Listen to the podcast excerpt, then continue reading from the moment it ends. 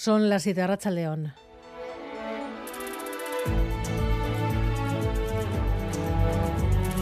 Gambara con Arancha García.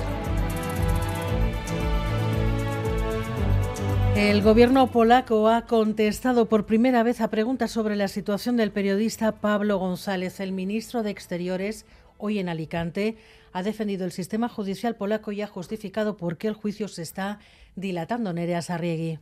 Sí, el caso ha señalado el ministro Zbigniew Rau sigue siendo sujeto de investigación y su gobierno tiene interés en que concluya cuanto antes para que se celebre, decía, un juicio justo pronto, aunque ha asegurado, sin dar más detalles, que los cargos a los que se enfrenta el periodista, encarcelado desde hace más de un año, son muy graves. Inusual imagen es la primera vez que escuchamos a un miembro del gobierno polaco hablar de Pablo González y escuchaba esas declaraciones a su lado el ministro español José Manuel Álvarez, que reitera que está garantizado que los derechos fundamentales de González están siendo respetados.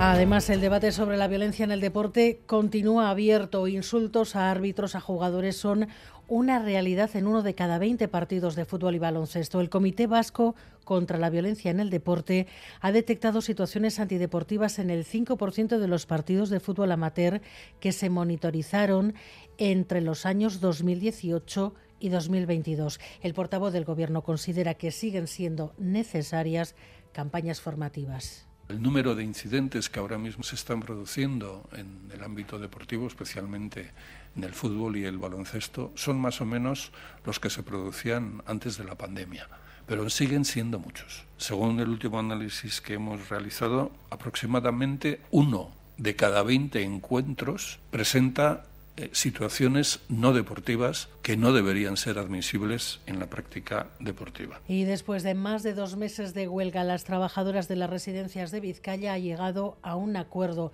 un nuevo convenio que incluye una subida salarial del 23%, una subida media de 340 euros al mes.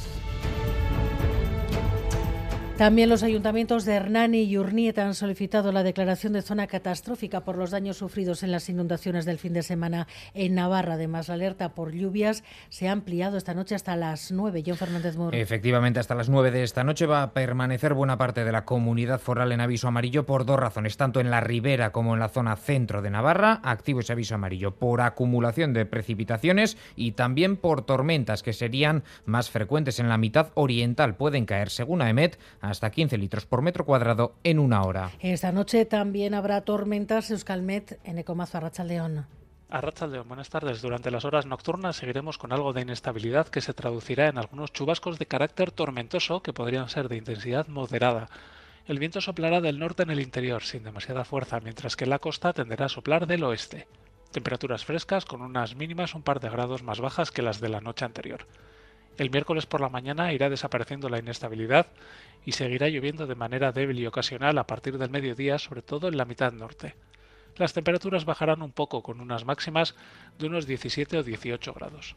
Y los deportes, Edu García, Racha León. ¿Qué tal, Racha León? La Real, que tiene un partido muy importante, dentro de muy poquito se juega a estar en la Champions. Prácticamente, en caso de victoria va a obligar al que Villarreal también gane mañana su partido ante el Cádiz, porque si no, eh, a falta de dos jornadas para acabar, después de esta que queda por disputarse, la número 36, el equipo de Manuel será ya conjunto de Champions para la próxima temporada. Ahí la importancia de ganarle hoy a la Almería a partir de las 7 y media, en Almería que todavía no tiene la permanencia garantizada y que en caso de ganar hoy daría un paso de gigante hacia ello. Buscamos la última hora del partido con los 11 ya confirmados, nos importa de la Real, con Chema Oliden, que está por Anoeta. Chema, ¿qué tal? Racha León. León, efectivamente, el 11 confirmado desde hace algunos minutos por parte de la Real Sociedad, un equipo con muchos cambios, siete exactamente con respecto al partido del pasado sábado en el Cámara frente al Fútbol Club Barcelona. En la portería estará Alex Remiro, en defensa Gorosabel, Lenormand, Pacheco y Ayer Muñoz, medio campo para Zubimendi, mm, David Silva y Miquel Merino, arriba Taque Cubo, Carlos Fernández y Miquel Oyarzabal. Gracias, Chema, 3.0 por tanto en juego a las 7 y media, Quirol Festa con este duelo entre la Real y la Almería.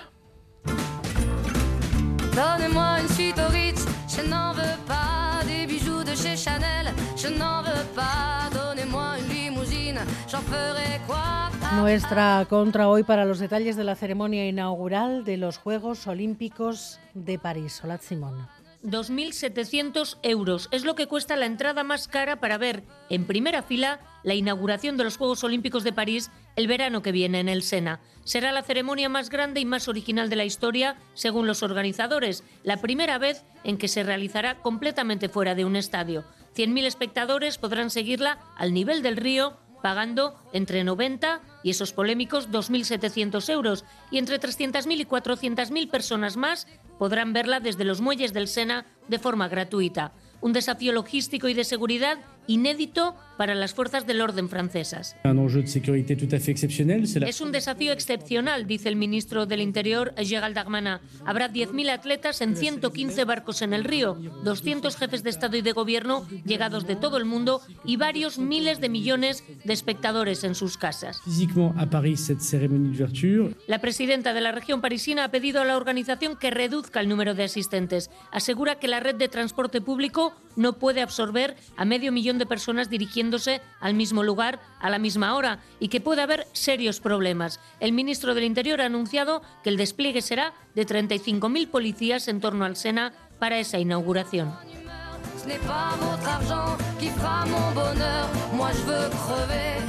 Miguel Ortiz y Alberto Zubeldia están en la dirección técnica, Cristina Vázquez en la producción.